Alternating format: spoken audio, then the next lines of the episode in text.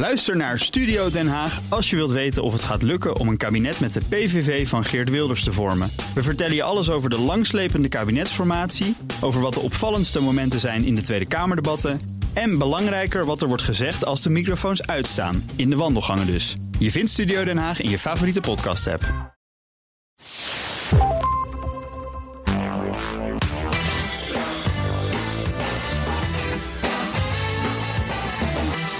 Welkom bij de Ben Tigelaar podcast, de podcast over persoonlijke en professionele ontwikkeling. Wat moet je doen als je anders bent dan de rest en daardoor buiten de boot dreigt te vallen? Wat moet je doen als je het gevoel hebt dat je uh, ja, buiten wordt gesloten door de mensen om je heen, dat je niet als gelijkwaardig wordt gezien? Stel je schuift aan bij een vergadering en je bent de enige vrouw of de enige persoon met een kleur. Tijdens de vergadering merk je dat er anders naar je wordt gekeken of misschien zelfs niet goed geluisterd wordt. Welke strategie pas je toe? Iemand die daar alles van weet is Astrid Elburg. Zij is onder meer organisatieadviseur, docent aan Nijenrode en aan de VU op het gebied van modern leiderschap en ze coacht ook CEO's met een migratieachtergrond. Astrid, welkom. Heel fijn dat je er bent. Ja, goedemiddag. Zeg, je komt nog eens een keertje in een boardroom. Je spreekt veel CEO's, hoogleraren en andere professionals. Wat zeggen zij nou hierover? Wat zijn nou hun ervaringen met buitensluiten of buitengesloten worden? Niet als gelijkwaardig worden behandeld. Wat hoor jij zoal? Wat ik hoor is uh, dat je risico loopt bij gelijke geschiktheid. Ik ben, overigens, dat vind ik ook leuk om te zeggen, ik zit in de klankbordgroep van de SER, de Sociaal-Economische Raad. Ja. Waar we kijken naar, laten we zeggen, biculturele op de arbeidsmarkt. Hè, dus in instroom, maar ook in doorstroom en behoud. En wat ze doen op uh, hoge posities. Ehm, wat zij zeggen is dat het heel veel moeite kost om serieus genomen te worden. Ja. Overigens is dit, is dit niet alleen maar voor biculturele, maar geldt dat ook voor vrouwen tot op zekere hoogte. Er zijn vergelijkende onderzoeken gedaan. Ja, ja, en wat bepaalt dan of je serieus wordt genomen of niet? Hoe, hoe werkt dat? Hoe zit het in elkaar? Nou, uh, ik ben op een blauwe maandag ook afgestudeerd in Group Dynamics. Ja. En uh, vanuit onze hele specifieke cultuur zien we dat mensen die zeer wel bespraakt zijn, en dat zien we elke dag op televisie, maar ook mensen die heel lenig kunnen denken, die uh, worden onmiddellijk serieus genomen. Ja. Die hebben de, de, de grootste kans om serieus genomen te worden. Bovendien kijken we ook naar wat wij zien als leiders. Ja, dus mensen die hoog staan in de ranking, in de hiërarchie, de culturele hiërarchie, Ja. maar soms ook de etnische hiërarchie, die worden eigenlijk bijna als vanzelfsprekend serieus genomen. Ja, ja precies. Zeg, en, waar heeft het dan mee te maken? Is het dan zeg maar dat er een bepaalde norm is of zo, waar je van afwijkt? Of hoe moet me dat voorstellen? Ik heb je wel eens iets horen vertellen over normgroepen. Ja. Uh, dat komt omdat wij mensen zijn. Mensen hebben die behoefte om die ordening aan te brengen, sociale ordening. En dat komt ook om wat wij uh, zien als zijn de, de norm. dus twee, twee dingen. Ja, ja. En uh, de normgroep is de dominante groep. De dominante groep die de cultuur bepaalt. En eigenlijk kun je dat ook op straat zien, maar ook uh, op het schoolplein. En als je wil weten wie de norm is, dan hoef je alleen maar te kijken wie degene zijn die uh, de dienst uitmaken, Ja. de toon zetten, maar ook degene naar wie onmiddellijk geluisterd wordt als ze hun mond open doen. Ja, en dat zie je inderdaad al op, op de basisschool zie je dat al Dat gebeuren. zie je al op de basisschool gebeuren, absoluut. Op, de, op het schoolplein observeert. Ja, ja, Absoluut. ja. Je moet je voorstellen, ik ben ook, ja, god, ik moet het toch even zeggen. Ik, ik ben voorzitter van een stichting die heet de Ingebaren. Ja. Dat zijn hoogopgeleide uh, uh, doven en slechthorenden. Oh ja, ja. En dat ja. is ook interessant, omdat je ziet dat die mensen niet het woord hebben. Dus dat betekent dat je vanaf de andere kant, als je tot die normgroep behoort, hele andere strategieën moet toepassen om hen ook aan het woord te laten. Ja, En dat, Ja. dat vereist dus een bepaalde houding, een soort van intrinsieke motivatie om ruimte te maken voor die mensen. Nou, als je aan de andere kant van de streep staat, dus degene die erbij wil horen, ja. dan ben je altijd bezig om auditie te doen, om ertussen te komen. ja, ja. En je loopt dus hoog risico. Ik zeg altijd tegen mensen, ik heb een hoog risicoprofiel. Dat mensen denken, ja, het is leuk wat je zegt, maar we hoeven er niet naar te luisteren. ja. Waar leidt dat toe als je dat vaak meemaakt, als je dat lang meemaakt? Dat leidt tot frustratie, stress. Ook mensen die zich afkeren, wrokkig worden. Die zeggen, daar hoef ik helemaal niet meer bij. Ja, ik kan me voorstellen dat je op een gegeven moment ook, ook denkt van ja, laat, laat inderdaad maar gewoon zitten. Ja, laat maar terwijl je zitten. wel heel veel te bieden hebt. Absoluut. Ja. En in het, uh, we hebben onlangs een, een, boek behandeld van Amy Edmondson. Die beschreef ook heel duidelijk dat mensen uit minderheidsgroepen, dus niet, niet voldoen op dat moment aan de normgroep, die lopen kans om voortdurend buitengesloten te worden. Ja. Dus mensen met een kleurtje in een uh, dominante witte omgeving, die lopen ook die kans. Ja, dat was een boekenpodcast waar je ook aan mee hebt gewerkt Absoluut. toen. Toen ging het over Absoluut. psychologische veiligheid. Absoluut. En eigenlijk geldt dus ook dat heel veel mensen die bijvoorbeeld een kleur hebben Ja. of net iets anders zijn dan die normgroep, Ja, op wat voor manier dan ook, die voelen zich dus vaak psychologisch ook niet veilig. Die durven dus ook Nou, niet te uiten wat ze denken. Het punt is dat het is niet dat ze het voelen. Het is ook zo. Je kunt het ook Ja. zien. Het gebeurt gewoon in de dynamiek tussen de anderen. En wat, wat ze gaan doen is dat ze vaker harder gaan praten. eh, worden ook, ook bozer. ja. En vervolgens worden ze door een normgroep aangevallen op het feit dat ze zeggen wat ze zeggen. Oké, dus je probeert te compenseren misschien wel voor het feit dat je niet gezien of gehoord wordt. En dat wordt dan vervolgens als een soort agressief gedrag. Absoluut. Wordt absoluut. dat ervaren. Dus wat ja. je ziet bij die twee groepen, dat, bij de geestelijke gezondheidszorg zoeken ze dit soort uit. Ze worden of agressief, Ja, of ze worden depressief. En depressief betekent ook dat je gewoon je mond houdt en denkt, laat maar zitten. Ja, ja. En ik, ben me gaan, ik heb me afgevraagd, wat is het dan wat mensen eh, willen? Wat zoeken mensen dan om erbij te horen? En ik kwam op het mooie woord, wat mensen zoeken is als volwaardig lid van een, een groep gezien te worden. En het, het, het, het komt neer op expressie. Dus Ja. tussen depressie en agressie staat expressie.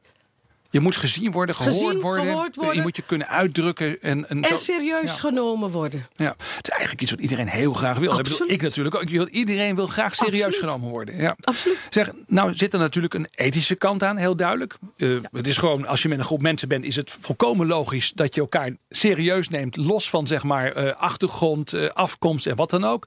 Maar ik denk, kan me voorstellen dat ook voor een organisatie gewoon niet goed is. Dat je gewoon, nou ja, de helft van het talent, of in ieder geval een groot deel van het talent, gewoon laat liggen. Sterker nog, eh, wij hebben in, de, in onze drang om te ordenen, hebben we ergens ook al vastgesteld wat een talent is en wat niet. Ja. En dat is dus ook, daardoor doe je heel veel mensen tekort. Hoe werkt dat? Leg eens uit. Nou ja, eh, wat een talent is, is iemand die natuurlijk beschikt over bepaalde kennis, Ja. bepaalde eh, gedrag. sociaal gedrag. en ook het liefst mensen die er op een bepaalde manier uitzien. Dat noemen wij een talent. Ja. Ja, dus we hebben een soort mal, een soort norm ook op dat gebied. En iemand die zeg maar binnenkomt, die herkennen wij. En waar komt dan die norm vandaan, denk je? Nou, dat maken we met z'n allen. Dat, Ja. dat, dat, dat maken we met z'n allen. Maar dat wordt niet uitgesproken. Het is Dat niet wordt- dat je zegt van we gaan eens even overleggen met elkaar. Hè. Even, even heel flauw. Dus niet zeg maar dat ik ben een witte man van 52. Dat ik allemaal andere witte mannen van 52 opzoek. En dat we dat even met elkaar bekokstoven. Nou, jawel, het wordt wel bekokstof, want Oh, je kunt het zien. Oké. ik zit vaak als eh, ook voorzitter van een aantal raden van toezicht waar ik in zit. Ja. En dan zie je vaak ook mensen uit bepaalde sociale groepen... die onmiddellijk een soort van klik met elkaar hebben. Ja, maar goed, ik bedoel te zeggen, het is niet een soort bewust uitspreken. Dat we zeggen, nou we gaan die anderen er buiten houden en we houden onszelf erin. Of wel? Nou, dit wordt niet uitgesproken, maar het wordt wel gekozen. Heel bewust gekozen. Omdat er ook belangen onder zitten. Ja, oké. maar goed, voor mijn begrip, hè, ik kan me ook voorstellen dat het ook heel vaak onbewust gaat. Nou, daar, daar, daar ga ik niet. Als, ik, als we het hebben over CEO's en als we het hebben over leiders... dan zijn Ja. het mensen die hierin getraind zouden moeten zijn. Oké, je bedoelt te zeggen, ze doen het misschien wel onbewust, maar het had niet zo mogen gaan dan. Nee, wat ik zeg is dat ze onderontwikkeld zijn. Oké, onderontwikkeld. De- ja, dat op, dit, op dit Als jij de gebied. verantwoordelijkheid hebt over Ja. mensen in een organisatie en je pretendeert op te beschikken over leiderschapskwaliteiten, dan moet je in staat zijn en het vermogen hebben om mensen te zien, het potentieel van mensen Ja. te zien. En eigenlijk zeg je daarmee van al die cursussen, die, die, die trainingen die je tegenwoordig krijgt in bedrijven op het gebied van diversiteit. eh, ja, dat zijn er inmiddels zoveel. We weten eigenlijk het verhaal wel. En we weten dat je eh, vaak, als je er niet bij nadenkt, vanzelf mensen die net iets anders zijn dan jij, dat je die als, nou ja, eh, minder geschikt voor bijvoorbeeld allerlei functies beschouwt. En je had dat al lang moeten weten en daar had je al lang iets aan moeten doen. Ik vind dat je ongeschikt bent voor bepaalde posities in een organisatie. eh, als organisaties als je niet over dit vermogen als, beschikt. je dat niet, als je dat niet kunt. Dus wat wij doen Ja. is we selecteren mensen voornamelijk op kennis en misschien ervaring. Ja. Maar niet op het vermogen om inclusief te zijn. Ja. En je kunt dus niet wegkomen met het is onbewust. En wat wij zien, ook aan alle cijfers door het Centraal Planbureau, maar ook door het Verwij Jonker Instituut en natuurlijk ook door de Sociaal-Economische Ja. Raad, dat de uitsluiting die wij dus nu ook zien in de samenleving, daar is niks, we zijn er bijna niks mee opgeschoten. Ja. We hebben nog steeds arbeidsmarktdiscriminatie, we hebben nog steeds stagediscriminatie. En ook, hè, als je kijkt naar uitsluiting van vrouwen, we hebben net eh, bij de verkiezingen hebben we nog gezien dat vrouwen zich verzameld, eh, verenigd hebben in de Tweede Kamer, omdat ze niet eh, zich konden uitspreken. Ja, omdat ze niet, omdat ze niet, voldoende airtime kregen. Ja, voldoende, onvoldoende airtime in de ministerraad was Absoluut. dat verhaal. Ja, precies. Dus jij zegt, eh, je bent gewoon ongeschikt om leiding te geven als je op het gebied van diversiteit en op het Ja. gebied van inclusiviteit Ja. eigenlijk gewoon de, de vaardigheden niet hebt. Ja. Ja, heel helder standpunt. Dat is wel mooi om te horen. Zeg, ehm, Even een stapje terug in jouw persoonlijke verhaal. Jij bent zelf uh, als Surinaamse vrouw uh, ja, ook al vaak genoeg in situaties geweest waarbij je ja, hiermee werd geconfronteerd. Kun je iets vertellen over je eigen ervaringen? Uh, ik, ik, ik zeg altijd nogmaals, uh, ik herhaal, ik, heb, ik heb een hoog een sociaal, ik heb een hoog risico. Ik heb Ja. een hoog risicoprofiel. Ehm, Dat zeg je lachend. dat zeg ik lachend omdat ik daarop verdacht, bedacht, eh, bedacht heb. Ja. Eh, ik heb ooit eens een BBC-documentaire gezien dat ging over dieren. En dat ging toen over de strategy of the underdog. Oké. Dat wil zeggen, ik zie mezelf niet als under- als underdog, maar je wordt underdog gemaakt. Ja. Nou, eh, ik kom het dus heel vaak tegen. Eh, ik weet dat het eraan zit te komen, dat ik het risico loop. En Ja. ik weet hoe ik van tevoren, dus proactief, hier eh, eh, dit op tafel moet leggen. Ja. Om anderen erop attent te maken dat ik wel weet waar ik sta. Ja, En ik ja. weet dat, wat mijn positie is. Daar moet je wel moed voor hebben. Precies, dat betekent dat je gewoon eigenlijk. En, en hoe, hoe doe je dat zelf? Ik bedoel, ik stel, me, ik stel me dat bij jou voor dat je dat. Jij bent wel wel bespraakt. Hè? We hebben het gehad over mensen die het moeilijk vinden om uit hun woorden te komen. Daar heb jij geen moeite mee. Nee. Je hebt ook veel gevoel voor humor. Ik kan me voorstellen dat het voor jou nog weer makkelijker is om dit soort dingen op tafel te leggen dan voor veel, andere mensen. Ik, een voorbeeld geven, een heel concreet voorbeeld. Ik, eh, nogmaals, ik vertelde het al, ik ben op sommige plekken ben ik voorzitter van de Raad van Toezicht. Ja. En dan kent de, de receptioniste mij al. En, eh, maar als er een nieuwe receptioniste is, dan loop ik het risico dat men denkt dat ik daar kom schoonmaken of zoiets. Ja. Dat, dat over- overkomt je ook dat echt. Kan, nou, dat overkomt me ook echt. Ja, ik, ja. loop, ik, zie het risico, ik loop het risico, want ik kan het ook aan die ogen zien. Dat Ja. mensen mij niet kunnen plaatsen. En dan maakt het niet uit hoe je gekleed bent. Eh, er is een, in ons hoofd zit er een bepaalde ordening. Oké. En dan, dan ga ik naartoe en ik zeg, je zou het niet denken. Maar ik ben hier de voorzitter, ik kom zo meteen vergaderen. Ja. En hoe reageren mensen dan? Voelen ze Ehm, zich dan betrapt? Mensen voelen zich meestal een beetje. Ik doe het altijd met een grapje. Ja. Dan moet je natuurlijk. eh, dat probeer je ook een beetje zachtjes neer te leggen. Zeggen mensen, nou. Dat is niet waar hoor. Eh, dat- Verzinnen dan wel wat. Maar wat, wat ik doe, is dat ik voorkom dat ik mij moet verdedigen. Ja. Ja, Of verantwoorden. Je probeert de situaties waarin op een gegeven moment zeg maar die, die, nou ja, die uitsluiting of Absoluut. dat plaatsen van jou in een hokje, waarbij dat eigenlijk op voorhand probeer dat te ontmantelen, Absoluut. te voorkomen. Sterker nog, Ja. je kunt, als mensen je willen uitsluiten, kun je het ook aan de non-verbale communicatie zien. Ja. En je weet dat, non, dat communicatie, 80% van de communicatie zie je non-verbaal. Ja. Ik heb eens een test gedaan op de Radboud eh, Academie, waar ik eh, gastdocent ben op dit vlak. Ja. Eh, inclusive leadership.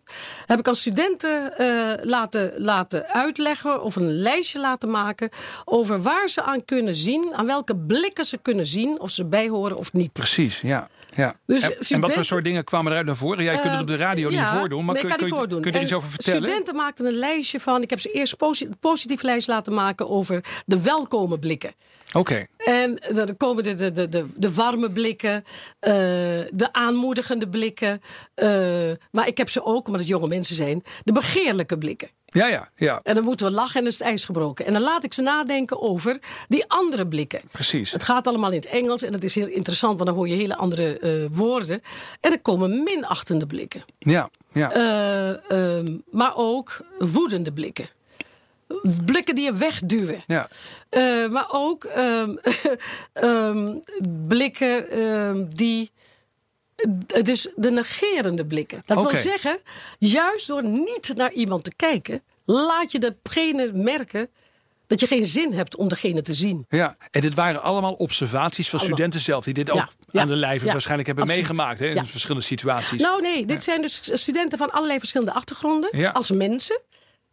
Dus niet alleen maar studenten met een andere eh, Nee, nee, nee, maar ik bedoel gewoon mensen die uit hun Al- eigen praktijk, hun eigen ervaring, eigen waarneming dit zeggen. Ja, precies. Nog eventjes, eh, eh, je zou natuurlijk kunnen denken als je hier naar luistert, ehm, dat het vooral gaat over uitsluiting van vrouwen of uitsluiting van mensen met een andere kleur. Maar uitsluiting overkomt dat ook zeg maar ja, witte mannen van 35 bijvoorbeeld. Kun je Ja, een voorbeeld geven hoe dat, hoe dat gaat? ehm, zoals je weet kom ik natuurlijk heel veel in teams. En dan kan ik dat ook zien. Ik heb eh, een hele goede vriendin van mij, die is hoogleraar in Maastricht. Ja. Die heeft een zoon die zit in het eh, autisme spectrum. Oké. En ik zie aan de groep wanneer iemand er wel of niet bij hoort. Dan kijk ik dus niet naar het individu dat uitgesloten wordt, die uitgesloten wordt. Maar ik kijk naar de, de, de, de, de manier waarop de groep zich terugtrekt van het individu. Maar als je dus een man bent en je hebt bijvoorbeeld eh, een stoornis in het autistisch spectrum. Absoluut. Of je, bent moe- je komt moeilijk uit je woorden, denk ik maar. Absoluut. Of je stottert of zo. Absoluut. Ja, ja, ja, en ja. ook eh, waar wij heel erg lullig over doen in Nederland, dat is sociaal-economische klasse. Vertel. Dus als jij een randstedelijk accent hebt, dan uh, hoor je makkelijker bij die randstedelijke groepen. Ja. Maar als jij komt studeren in Amsterdam bijvoorbeeld en je hebt een accent van uit bijvoorbeeld uit Groningen of dan merk je dat ook. Ja, ja. Oh, dat, uh, nou, dat vertel je iets wat ik wel herken. Ik kom zelf uit Oost-Groningen. Ik ging in Amsterdam studeren. Ja. En dan merk je heel gauw dat je het, uh, de taal overneemt die je om je heen hoort. Mijn studenten op de ja. VU die laat ik het ook observeren. Want het gaat ja. over 21st century behavior. Waarbij we zien dat groepen uit elkaar gedreven zijn door allerlei omstandigheden. Daar ga ik niet over hebben. Paul Scheffer heeft hierover geschreven als socioloog. En ik, ik vraag aan mijn studenten wat ze, wat ze merken na verloop van tijd als ze in Amsterdam studeren. Ja. Uh, in de trein van huis naar Amsterdam, maar ook terug. Ja. En dat zijn ontzettend interessante observaties, want niemand vraagt ze wat. Maar als je ze heel expliciet vraagt, dan merken ze dat ze bijvoorbeeld, als ze lang in Amsterdam hebben gezeten, als ze terugkomen, bijvoorbeeld in Oost-Groningen, Ja. hoe ingewikkeld het is om met hun ooms en tanten daar te communiceren. Ja, het Omdat worden ze zich- twee, twee, twee verschillende werelden ze waar je moeten zich inhouden, Ja. omdat ze zo bij de hand worden. Merken ze daar dat met tante Sjaan of tante Miep, Ja, dat ze zich heel erg moeten verplaatsen. ja, ja. Je luistert naar de Ben Tichelaar podcast. Met Astrid Elburg praat ik over anders zijn en uitsluiting en de problemen die dat soms oplevert of vaak oplevert in organisaties. Nu wil ik graag van haar weten of je dat ook ja, of dat anders zijn ook tot een voordeel kan worden gemaakt. En ik ben ook heel benieuwd naar allerlei strategieën. Ehm Astrid, je hebt nagedacht over allerlei strategieën die je kunt toepassen als je dus anders bent dan Ja. de rest. Laat maar even zo noemen. Hè. Stap 1 eh, heb ik van jou eh, gelezen is eh, de feiten onder ogen zien. Ja. Leg dat eens uit. Wat, Ja. wat bedoel je daarmee? Als, dat moet ik dus Eh, zelf doen. Als ik dus degene ben die als het ware als anders wordt gezien door de rest. Wij hebben in onze sociaal, sys- in sociale systemen. uh, Wat wij doen is dat kinderen die anders zijn of buiten de boot uit te vallen. Ja. Die geven allerlei handvatten om erbij te horen. En dat betekent dat mensen hun hele leven lang bezig zijn om erbij te horen. Ja. Nou, in heel veel gevallen, en dat weet ik van Roel, eh, dat vriendje van mij, die eh, ehm, eh, autistische jongen. In, heel gevallen, in heel veel gevallen zit heel, kracht. Eh, van wie jij bent en wat je hier bent komen doen op aarde. Dat zit juist in het anders zijn. Dus als Ja. je hele leven lang bezig bent om te worden zoals de norm. Dan zie je soms een aantal kwaliteiten van jezelf over het hoofd. Oké, dus dat moet je onderkennen. Je, Je moet onderkennen- ophouden om proberen anders te worden dan je bent. En je moet ook je eigen kracht leren Je zien. moet je eigen kracht leren zien en je moet de kracht van jouw anders zijn leren zien. Het is niet makkelijk, omdat je natuurlijk in je opvoeding, maar ook in het onderwijs, is met iedereen bezig om ervoor te zorgen dat je bij de norm hoort. Ja. Sterker nog, er is ook een verschijnsel in onze samenleving, de lonely wolves, mensen die nergens bij horen. Ja. Die moeten we ook in de gaten houden, want die kunnen ook gevaarlijk worden voor een groep. Ja, maar de, moet, als je het hebt over de feiten onder ogen zien, bedoel je dan ook de feiten onder ogen zien dat je als vrouw nu eenmaal ja, vaak eh, eh, altijd op achterstand staat? Of dat als je een kleur hebt, dat je, dat je altijd harder moet werken om serieus te worden genomen? Is dat ook iets gewoon wat je moet, domweg moet realiseren en ook moet accepteren? Hoe, hoe, hoe moet ik me dat voorstellen? Nee, dat moet je niet accepteren. Om te, om te beginnen zei ik dat in leiderschap, hè, de mensen die Ja. dus het team leiden, die moeten zien dat dat zo is. Dat Ja. is één. Twee, als individu, eh, zoals ik het doe, laten we het even zo zeggen, zoals ik Ja. het doe, is dat ik weet dat het zo is. Oké. Dus ik ga de, de, de normen niet veranderen. Ik weet dat het zo is. En de strategie die ik toepas is dat ik daarmee leer omgaan. Ja. Ik leer dus navigeren, zo noem ik het. Want ik, ik heb een andere dimensie. Ja. Die neem ik me mee. En ik, ik, ik eh, ontwikkel sociale strategieën om in de normgroep toch tot mijn recht te komen. Want het gaat daarbij niet zozeer om gelijkwaardigheid. Want de normgroep bepaalt of je gelijkwaardig bent. Maar het gaat om hoe ga ik ervoor zorgen dat ik de verantwoordelijkheid neem om als volwaardig mens gezien te worden. Ja, maar dat is wel interessant. Dan leg je toch uiteindelijk de bal neer bij degene die ja, als, door de rest als een underdog wordt gezien. En die moet het dus toch zelf doen. Hoe moet ik me dat Nou, voorstellen? Vind, vind je, ja. Ja, het, er zitten twee, twee strategieën, hè, twee scenario's. Als je zit te wachten tot de normgroep gaat veranderen. Dan ben je dus je hele leven lang bezig, bij elke Ja. keer, om de groep te overtuigen van het feit dat je ook een mens bent. Nou, op het moment dat je de Dat regie. gaat te lang duren. Dat gaat te lang duren. Op het moment dat je de regie pakt en weet wat er gaat gebeuren, dan word je er zeer bedreven in. Ja. En dan weet je gewoon elke keer, want je kunt het zien gebeuren. Jij hebt de regie. Het geeft je heel veel rust. Want je weet dat jij eh, dat kunt beïnvloeden. Ja. Maar het geeft je ook de ruimte. Ik noem het rust, ruimte, regie. Het geeft je ook de ruimte om te kijken hoe je kan navigeren. Dus jij pakt zelf de regie. Hoe doe je dat? Kun je daar iets van voordoen? Laten horen. Hoe zeg je dat? Hoe doe je Het dat? begint met acceptatie. In, in het leven in een hoog bewustzijn. Ja. Het bewustzijn dat het zo is. Nou, vervolgens moet je een volgende doen. En dat is dat je het accepteert. Dus eerst bewustzijn. Ja. En dan een soort van bepaalde berusting van ja, het is zo. Ja. Ehm, het gekke ervan is, op het moment dat je het accepteert, eh, daar zit je kracht. Want dan, dan ben je niet meer zo opgefokt. Ja, dat scheelt. Oké, dat scheelt. Daarna ga je nadenken over, oké, en als het zo is, wat kan ik doen om mijn positie te verbeteren? Ja. Welke strategieën kan ik ontwikkelen? En wat ik doe bijvoorbeeld met biculturele professionals, is dat ik ze bij elkaar breng. Want de ene is beter in dan de andere. Je zou het ook kunnen zeggen van vrouwen. De ene is daar beter in dan de andere.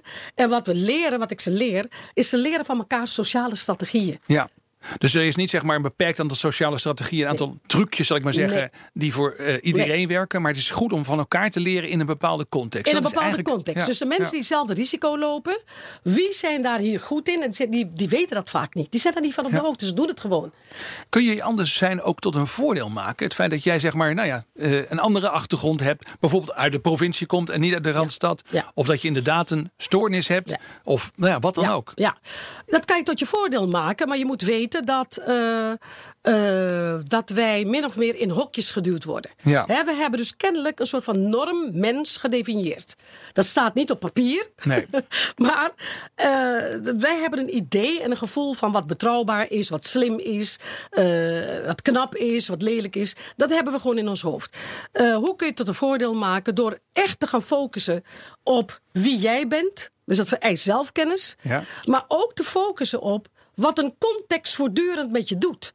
Dus Mhm. zelfbewustzijn alleen is niet belangrijk. Wat bedoel je met een- wat een context voortdurend met je doet? Nou, Kun je dat uitleggen? Ja, wat de context voortdurend met je doet. De, de meeste mensen zijn gericht op wie ben ik, wat kan ik met wat zijn mijn eh, kwaliteiten. Ja, Maar een context heeft ook een opvatting over jou. ja. En dat betekent, als je kijkt bijvoorbeeld naar etnisch profileren. Dat betekent dat je woont in een context, of je leeft in een context. waarbij er altijd op een bepaalde manier naar jou gekeken wordt. ja. En dat moet je weten. En dat moet je weten. En eh, ik zeg altijd, het zijn de, de activisten, de politici en de eh, juristen. Die hebben het beroep om hier tegen in te gaan. Ja, maar in ja. de dagelijkse sociale interactie zul jij interacties, sociale strategieën moeten ontwikkelen om hiermee om te gaan. En het veronachtzamen, doen alsof het er niet is, dat is geen optie. Nee. Want je zult er voortdurend mee geconfronteerd raken. Ja. Dus je- zult het op tafel moeten leggen. Je zult het onder ogen moeten zien. Accepteren als onderdeel van jouw wezen in een bepaalde context. Dus het is belangrijk om te weten. eh, of Een ander voorbeeld. Ja. Iemand vertelde mij dat ze ziet, bijvoorbeeld op luchthavens, dat ehm, eh, mensen met een kleurtje er makkelijker uitgepikt worden. Dat het vaker gebeurt Dat als vaker er gebeurt. gefouilleerd of Absoluut. gecheckt moet worden in de Ja. bagage of Nou, zo. Ja. Het is een blonde mevrouw, een blonde vriendin, die vertelde het mij dat ze dat observeert. Ja. Dat zien we allemaal. Maar je kunt er twee dingen mee doen. Je kunt zeggen, eh, ik ben zwart en het mag niet en ik ga lekker eh, eh, ruzie staan te maken. Ja. Maar je kunt ook bijvoorbeeld denken van dit gaat gebeuren. En ik doe maar gewoon wat ik moet doen en dan loop ik er door. Want dan, dan ben ik er doorheen. Ja, ja. Dus soms moet je ook gewoon domweg dingen accepteren. En maar gewoon niet iedere keer opnieuw verbaasd erover zijn. Nou, in zoverre, het domweg accepteren, dat is niet wat ik zeg. Dat is om voor jouw gemoedsrust, om jezelf de rust te geven. Want jij bent natuurlijk eh, verantwoordelijk voor je geluk. Ja. Is het goed dat je ziet, dat je het ziet aankomen. En dat je het ook eh, onder, onder ogen ziet, maar dat je gaat ontwikkelen, iets gaat ontwikkelen, een strategie gaat ontwikkelen om hiermee om te gaan. Dus Ja. het is niet domweg. Het gaat vanuit een heel hoog zelfbewustzijn van ik denk dat dit mij zal overkomen. Ja. Je kunt het ook aan je kinderen leren. Je kunt ook zeggen ik denk dat dit gebeurt. En daar moeten we mee omgaan. Een, een ander mooi voorbeeld. In de Verenigde Staten, in sommige staten, Ja, eh, trainen ze jonge zwarte mannen. Vanaf, vanaf hun achtste levensjaar worden ze getraind om zich te bewegen in de publieke ruimte op straat. Omdat hun zwarte buitenkant een kwestie kan zijn van leven of dood als ze een verkeerde beweging maken onder sommige omstandigheden.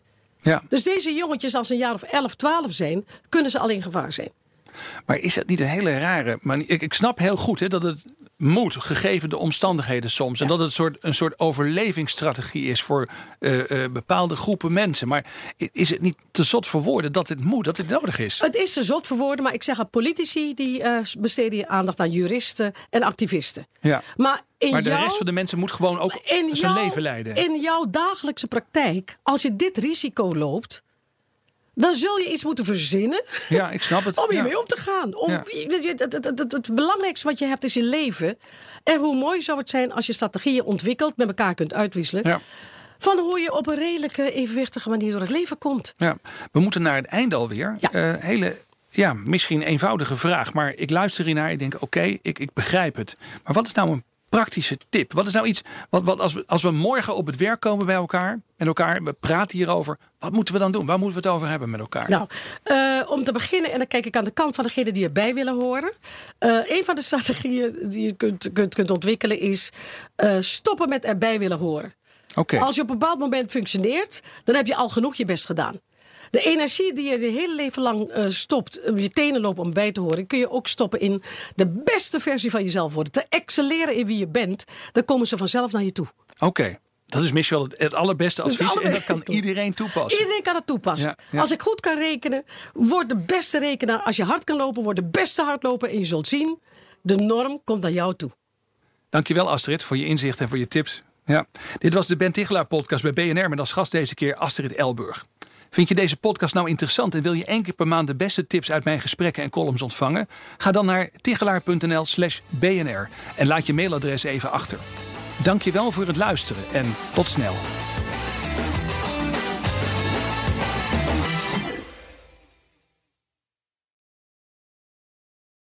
Ook Harm Edens vind je in de BNR-app. Je kunt BNR Duurzaam niet alleen live luisteren in de app, maar ook terugluisteren als podcast, zoals al onze podcasts. En naast dat de BNR-app Breaking News meldt, houden we je ook op de hoogte van het laatste zakelijke nieuws. Download nu de gratis BNR-app en blijf scherp.